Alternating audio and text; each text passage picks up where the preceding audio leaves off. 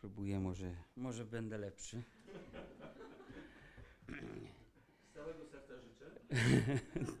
Tak, on wie, że to nie jest proste. Zacznę w ten sam sposób. E, od śmierci Jezusa. E, list do Rzymian, piąty rozdział, szósty werset. Wszak Chrystus, gdy jeszcze byliśmy słabi, we właściwym czasie umarł za bezbożnych. Czytając to, tak pomyślałem, to oczywiste, Bóg ma zawsze właściwy czas na wszystko.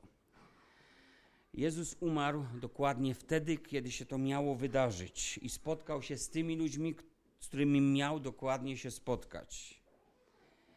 A, I myślę, że możemy też zakładać, że On przyszedł dokładnie wtedy, kiedy miał przyjść na ten świat. Wszystko pod niebem ma swój czas. Jest czas rodzenia i jest czas umierania, tak? Przypowieści, e, jedna z przypowieści Salomona. A więc zobaczcie, że w Bożym zegarze nie ma fal startów. Nie ma czegoś, co się przedwcześnie stało, kogoś nie objęło w związku z tym. Ani nie ma opóźnień, czyli czegoś, co stało się za późno i ktoś no, z tego nie mógł skorzystać. W czasie służby Jezusa nie było ani jednej takiej sytuacji, że był gdzieś za szybko, był gdzieś za wcześniej, ani takiej, że gdzieś nie zdążył, że się spóźnił. Choć z perspektywy ludzi bywały takie chwile, że to tak właśnie wyglądało. Na przykład, kiedy zmarł Łazarz, Marta mówi: Panie, gdybyś tu był, nie byłby umarł brat mój. Jana 11, rozdział 22 werset. Czyli gdybyś tu był na czas. Gdy czytamy tekst, który mówi o przyjściu Pana, to Piotr pisze, że będą ludzie, którzy będą mówili, gdzież jest przyobiecane przyjście Jego. Odkąd bowiem zasnęli ojcowie, wszystko tak trwa, jak było od początku stworzenia. Czyli co? Spóźnia się, tak? Piotr udziela tam później odpowiedzi, że Pan nie zwleka z dotrzymaniem obietnicy, chociaż niektórzy będą uważali, że zwleka. Okazuje cierpliwość względem Was, bo nie chce, aby ktokolwiek zginął, ale chce, aby wszyscy przyszli do upamiętania i do poznania prawdy, też o tym czytamy. Pan nigdy się nie opóźnia i nigdy nie, niczego nie czyni za szybko. We wszystkim więc jest sprawiedliwy, we wszystkim jest miłosierny i Jan Chrzciciel to usłyszał, błogosławiony człowiek, który się nim nie zgorszy. Błogosławiony ten, który choć nie rozumie tego Bożego czasu i tych Bożych rozstrzygnięć, się jednak z nim nie zgorszy. I wiecie, dziś jest taki czas, w którym umownie świat chrześcijański obchodzi to przyjście Pana Jezusa na ten świat. A więc spójrzmy na momencik. Czy Jezus przyszedł tak, jak odchodził we właściwym czasie, umarł za bezbożnych? Czy Jezus też przyszedł we właściwym czasie? Chciałbym skorzystać z Ewangelii Łukasza, drugi rozdział. I stało się w owe dni, że wyszedł dekret cesarza Augusta, aby spisano cały świat. Pierwszy ten spis odbył się, gdy Kwireniusz był namiestnikiem Syrii. Szli więc wszyscy do spisu, każdy do swego miasta. Poszedł też i Józef z Galilei, z miasta Nazaretu, do Judei, do miasta Dawidowego, zwanego Betlejem, dlatego że był z domu i z rodu Dawida aby był spisany wraz z Marią, poślubioną sobie małżonką, która była brzemienna i gdy tam przybyli, nadszedł czas, aby porodziła. Może dotąd. Rzymskie spisy były cykliczne, mniej więcej co 14, co kilkanaście lat odbywały się, czasem z opóźnieniami. To wszystko wynikało od jakiejś sytuacji lokalnej. Spisy, spisy rzymskie były ogłaszane, aby policzyć całą populację, aby lepiej oszacować wpływy do tego cesarskiego skarbca z podatków, aby wiadomo było w jakim miejscu, jaki werbunek e, można, mm, można przygotować, ale też, żeby wiadomo było, gdzie ile legionów ma stacjonować, żeby szybko stłumić opór. A, ale ten spis był inny niż pozostałe który, o której wiemy z historii. Ten spis został zorganizowany tak, aby policzyć nie tylko ludzi, nie tylko pieniądze adekwatnie do populacji, ale również, aby przypisać ludzi do rodów, plemion i do miejsca swojego pochodzenia. Wiecie, że ta informacja Rzymianom była całkowicie nieprzydatna? Część historyków więc twierdzi, że wcześniej ani nigdy później takiego spisu nie, był, nie było, aby ludzie musieli wędrować do miejsca swojego urodzenia, bo spisywali się tam, gdzie mieszkali i tam, gdzie oddawali ten, ten podatek cesarski. Prawo rzymskie działa do dzisiaj, tak jest chyba do dzisiaj, prawda? Ktoś się urodził na Pomorzu i tam pod, musi jechać się spisywać? Niewykluczone to jest, że było to dodatkowe zarządzenie narzucone przez Rzym idące na rękę potrzebom wewnętrznym całego aparatu państwowego króla Heroda. Być może też dla zaspokojenia podatków świątynnych, a może dla policzenia plemion żydowskich. E, trudno powiedzieć. Z powodu tej formy spisu próbowano zakwestionować w ogóle coś takiego, że to miało miejsce, więc jak przedmówca powiedział, niektórzy uważają, że tam trochę bajek, na zmyślanych historii, żeby to się jakoś kleiło. I długo nie można było znaleźć jakiegokolwiek potwierdzenia, że coś takiego się odbyło, jak ten spis, w taki sposób w dodatku urządzony. Aż archeolodzy znaleźli na terenach dzisiejszej Turcji obelisk upamiętniający właśnie taki spis. Wtedy ponoć miało nie być spisu, a jednak znalazł się jakiś. I znając autora tej księgi, a z zawodu był lekarzem, Łukasz, i widząc, jaką chirurgiczną precyzją wymienia tytuły urzędników rzymskich, żydowskich, miejsca różnych wydarzeń, daty, jak bardzo przykłada wagę do tego wszystkiego, co robi. Na przykładu jeden werset, trzeci rozdział. W 15 roku panowania cesarza Tyberiusza, gdy namiestnikiem Judei był Poncjusz Piłat, tetrarchą, tetrarchą galilejskim Herod, tetrarchą i turejskim i trachonickim Filip, brat jego, a tetrarchą abileńskim Lizaniasz. Za arcykapłanów Ananiasza i Kajfasza doszło słowo Boże Jana. Wiecie, że się nie pomylił w żadnym miejscu Łukasz? Więc trudno sądzić, żeby ktoś tak dokładny po prostu fantazjował sobie troszkę, a w innym miejscu był tak bardzo skrupulatny i dokładny co do swojego przekazu. Więc fakty są takie. Cesarz August, czy wie, czy nie wie, czy chce, czy nie chce, wykonuje wolę Boga. Gdy zapowiedział to prorok Micheasz w piątym rozdziale, tak on o tym napisał, że Mesjasz będzie miał się narodzić w Betlejemie Judzkim. Kropka, koniec. Bóg więc zarządził, że gdy nadejdzie oznaczony czas, ci ziemscy rodzice Mesjasza, aby wypełnić prawo, choć nie będą mieszkali w Betlejem, będą musieli pokonać mniej więcej 150 kilometrów, aby znaleźć się z Nazaretu w Galilei do małej mieściny w Judei, aby pójść tam i się spisać. Pytanie, czy kiedykolwiek pomyśleliśmy, że w świecie dzisiaj zamieszkiwanym może przez 7 miliardów ludzi, w którym dzieje się tak wiele spraw politycznych, ekonomicznych, społecznych, dzisiaj to i powiemy medycznych, innych w ogóle o światowym znaczeniu. Czy pomyślałeś, że Bóg ma to wszystko pod kontrolą? Że nawet siły polityczne, militarne, sanitarne wykonują to, co Bóg postanowił, albo to, do czego Bóg dopuścił. Oni o tym nie wiedzą i nie muszą o tym wiedzieć. Nie służą sobie samym ba nawet nie służą narodom, dla których są powołane, bo władza właśnie po to istnieje. Ale czy zdajemy sobie sprawę z tego, że służą nic dla świata nieznaczącym ludziom Boga? Takiej garstce, maleńkiej trzutce, która ma się nie bać, powiedział Jezus, bo, bo darowane wam zostało od Ojca Królestwo Niebios.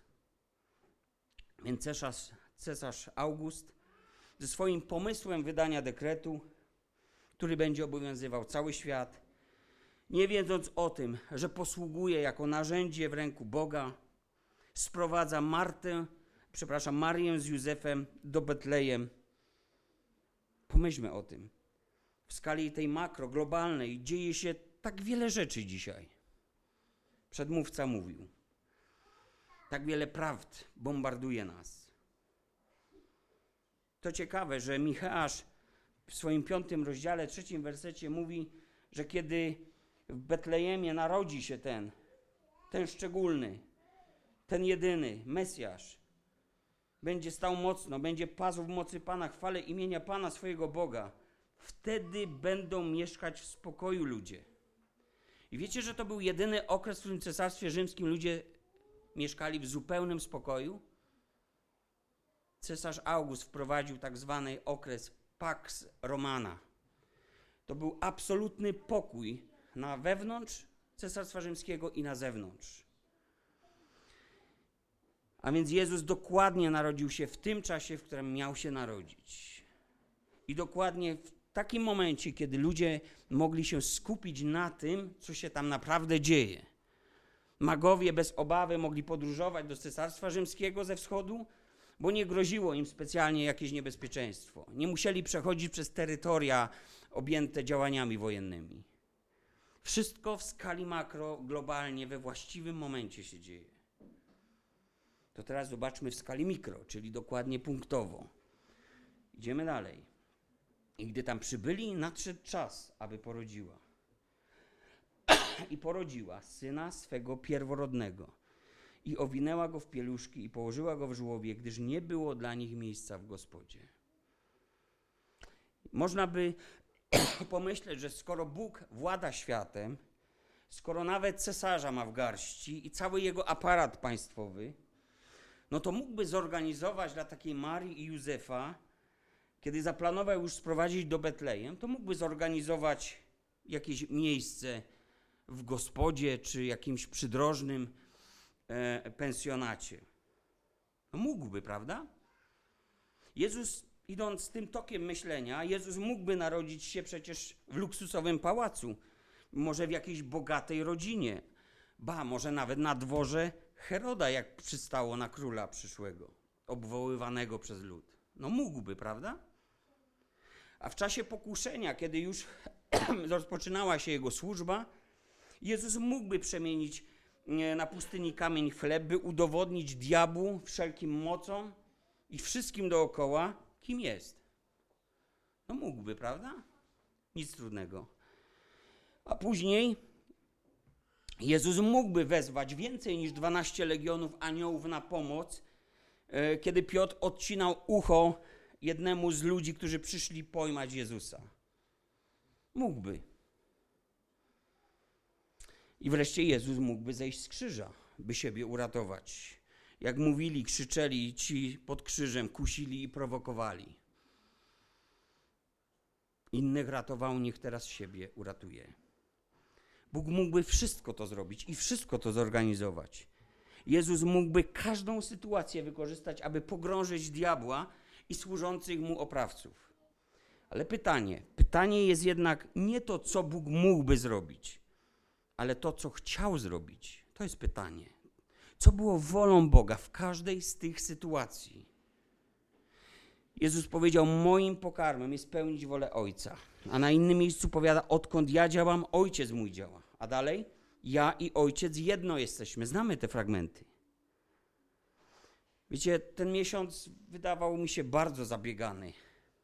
I podejrzewam, że nie mieliście inaczej. Że mieliście po prostu gonitwę. Że nawet okres przyświąteczny, który miał być taki może nastrojowy, dla niektórych tak się może tam nam wydaje, że to tak, tak sobie wyobrażamy, to był po prostu gonitwą za wiatrem. No i co? Usiedliśmy, zrobiliśmy oddech, poniedziałek już się wychyla. Znowu to samo. I wiecie, ja w tym miesiącu powiedziałem stop.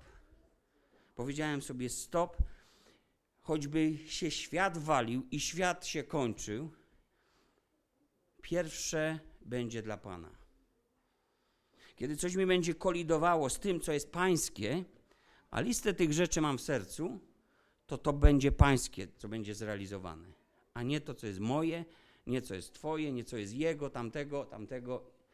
Co cesarzowi oddam cesarzowi. Ale przypilnuję, żeby cesarz nie zabierał to, co Boga. Wolą Boga było, by Chrystus, choć był bogaty w swej wiecznej chwale, przychodząc na świat, stał się ubogim, biednym dla naszego dobra. I ten jakby taki brak wolnych miejsc, ten znak na wszystkich przydrożnych, może hotelach, pensjonatach, miejscach noclegowych w Betlejem, ten znak pojawia się dla nas, dla mnie, dla ciebie. Bowiem apostoł Paweł powiada, albowiem znacie łaskę Pana naszego Jezusa Chrystusa, przepraszam, że będąc bogatym, stał się dla was ubogim, abyście ubóstwem Jego ubogaceni zostali. 2 Koryntian 8 rozdział 9 werset. Zobacz, Bóg rządzi wszystkim. Aniołami, władcami tego świata, służbami władców, żywiołami, ale też miejscami hotelowymi i dostępnością pokojów. Droga Jezusa na Golgotę zaczyna się właściwie przy tabliczce brak wolnych miejsc. A nie ma tutaj miejsca dla ciebie, krótko mówiąc. A kończy się ta droga na opluwaniu, szyderstwie, biczowaniu, a na koniec ukrzyżowanie w Jerozolimie. Wszyscy, mówiąc obrazowo, dołączamy do Niego na drodze. Naśladujemy naszego Pana. Jest to droga na Golgotę. I może usłyszymy Go mówiącego Ewangelii Jana, 15, rozdział 20, werset. Wspomnijcie na słowo, które do was powiedziałem. Nie jest sługa większy nad Pana swego. Jeśli mnie prześladowali, i was prześladować będą. Jeśli słowo moje zachowywali, zachowali, i wasze zachowywać będą. I niestety tak to jest. Do jednego z potencjalnych uczniów, który entuzjazmem pałał i wykrzykiwał: Pójdę z tobą dokądkolwiek pójdziesz. Rzekł: Lisy mają jamy, ptaki niebieskie gniazda, lecz syn człowieczy nie ma, gdzieby głowę skłonił. I co poszedł za nim? Wiemy, jak to się skończyło. Jeszcze dwóch innych potencjalnych adeptów zawróciło. Co więc powiemy? Tak, Bóg mógł znaleźć Jezusowi lepsze miejsce dla narodzin. Byłoby to jednak zejściem z tej drogi na Golgotę.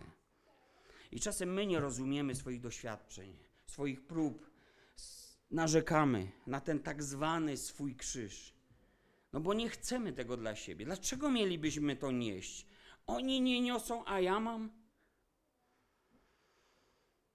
Słyszałem niedawno taką historię, że ktoś bardzo ucierpiał i potencjalnie, chociaż to cierpienie było trudne do zniesienia, z powodu tego cierpienia uratowane zostało czyjeś życie. I gdyby nie to cierpienie, czyjeś życie by zostało stracone. Powiem wam, co wydarzyło się w tym tygodniu. Któregoś dnia wychodzę rano z domu, śpieszę się. Złamał się klucz. Reszta została w środku, opadła. Najgorszy z możliwych wariantów. Mówię, nie mam czasu wyciągać tego. Są drugie drzwi. Biegnę, wypożyczam auto duże dostawcze, mam coś do wywiezienia, jakieś śmieci, jakieś różne rzeczy. Okazuje się, że w pewnym momencie tylne prawe koło zostało zaciśnięte. Nie kręci się. Autem mogę bączki robić. Nie mogę jechać. Nie moje auto.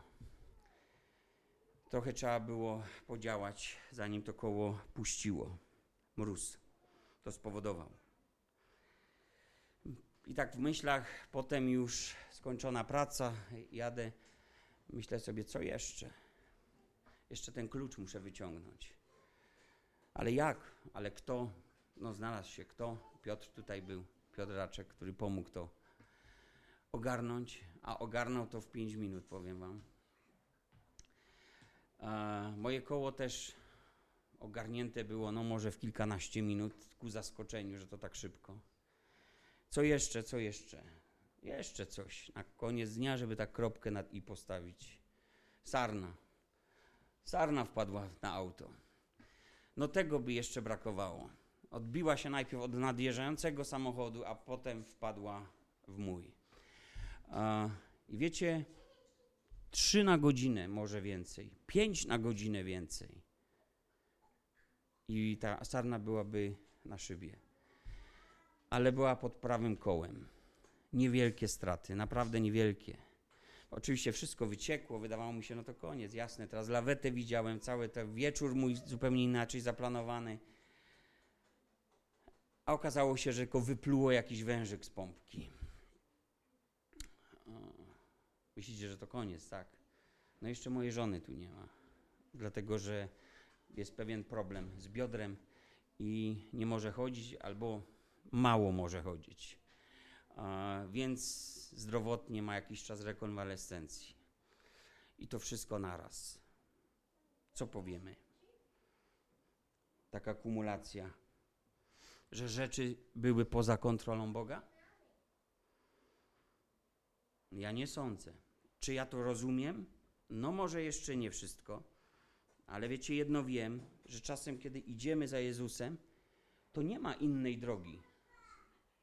To nie ma innej drogi. Tak, my chcielibyśmy wybrać inną drogę i my myślimy, że wiemy najlepiej, a Bóg za daleko, żeby to się tu połapać w moich potrzebach i w moim życiu, w moich emocjach i tego, co ja pragnę. Ale jeśli chcemy dotrzeć tam, gdzie On by chciał nas widzieć, przyjdą różne doświadczenia, przyjdą różne próby, przyjdą pewne ograniczenia, przyjdzie modyfikacja naszych planów, naszych pragnień, naszych oczekiwań. Nasze wyobrażenia spowodują w nas może frustrację. I im szybciej zrozumiemy, że Bóg ma pod kontrolą nasze życie, ten świat i wszystko, co tu się dzieje, tym łatwiej będzie nam wrócić do społeczności z Nim. W innym przypadku będziemy mieli ciągłe, ciągły zgrzyt z Bogiem. Może myślisz, że masz z ludźmi zgrzyt, jeśli tak się dzieje w Twoim życiu. Nie, to jest zgrzyt z Bogiem. Bóg ma wszystko pod kontrolą w skali globalnej i w tej punktowej skali, kiedy chodzi o Twoje życie i Twój dzień, który przyszedł i tak się pokładał. I nie dlatego, że Ty pecha masz, człowieku. I ostatnia rzecz, o której chcę powiedzieć. Też Ewangelia Łukasza, tylko karteczka wcześniej. Ewangelia Łukasza, pierwszy, pierwszy rozdział, piąty werset. Za dni Heroda, króla judzkiego, żył pewien kapłan imieniem Zachariasz ze zmiany kapłańskiej Abiasza. Miał on za żonę jedną z córek Arona, a na imię jej było Elżbieta. Ósmy werset i dalej. I stało się, gdy sprawował służbę kapłańską przed Bogiem w kolejności przypadającej nań zmiany, że według zwyczaju urzędu kapłańskiego na niego padł los, by wejść do świątyni pańskiej i złożyć ofiarę z kadzidła. Cała zaś rzesza ludu modliła się na dworze w godzinie tej ofiary. Potem wiecie, pada ta zapowiedź narodzenia Jana Chrzciciela, a więc ma to szczególne objawienie, spotkanie z aniołem. I dwudziesty werset. Chodzi o znak, że to, to tak jest, że to prawda. Otóż za nie mówisz i nie będziesz mógł mówić aż do dnia, kiedy się to stanie, bo nie uwierzyłeś słowom moim, które się wypełnią w swoim czasie. A lud oczekiwał Zachariasza i dziwili się, że tak długo przebywa w świątyni. A kiedy wyszedł, nie mógł mówić do nich i poznali, że miał widzenie w świątyni. Dawał im też znaki i poznał i pozn, pozostał niemem. A gdy minęły dni jego służby, odszedł do domu swego. Po tych dniach Elżbieta, żona jego, poczęła i ukrywała to przez pięć miesięcy, mówiąc: Tak mi uczynił Pan w dniach, kiedy wejrzał na mnie, by zdjąć ze mnie hańbę wśród, pośród ludzi. Wypełnią się te słowa w swoim czasie. Zachariasz, kapłan, pełni służbę w świątyni. Jest to zmiana kapłańska na Abiasza. Tych zmian zgodnie z ustaleniami było aż 24. Każda grupa kapłanów służyła po dwa tygodnie.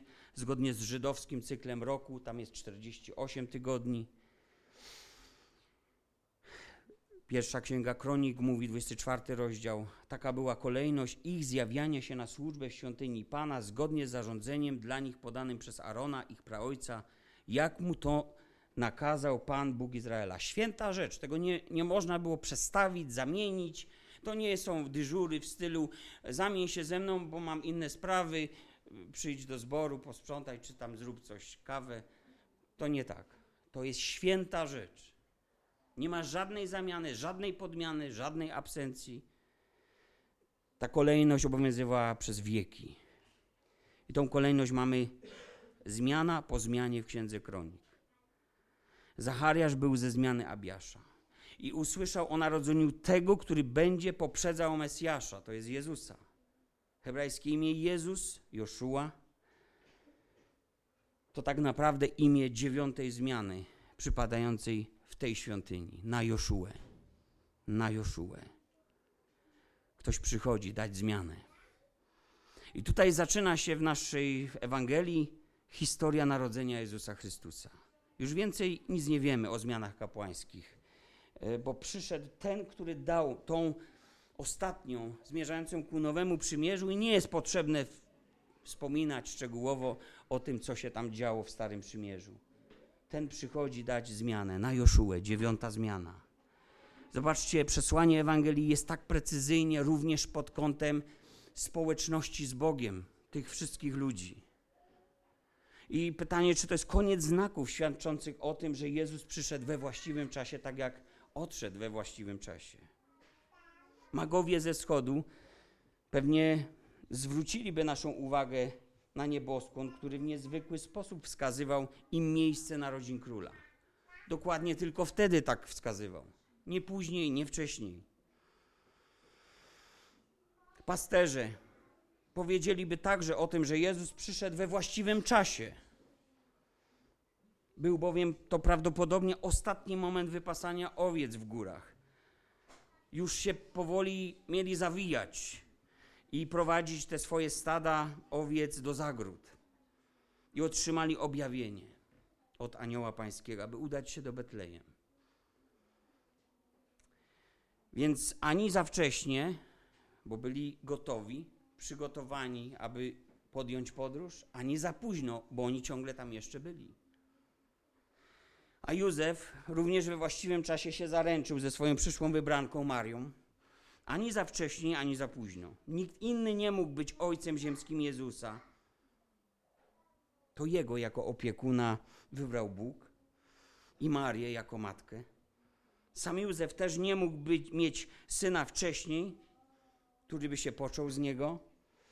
Zatem pomiędzy zaręczynami a zaślubinami dowiaduje się, że ma nie opuszczać Marii, że to, co się poczęło, narodziło się, to jest z Ducha Świętego. I nada mu imię Jezus.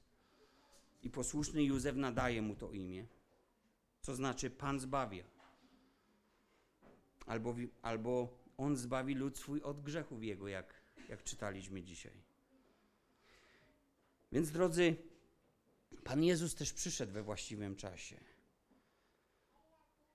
Przyszedł we właściwym czasie, aby we właściwym czasie o tym, co zrobił, świadczono. Pierwszy list Pawła do Tymoteusza, drugi rozdział, szósty werset. Więc nie za wcześnie, nie za późno. Przyszedł do Twojego życia nie za wcześnie nie za późno.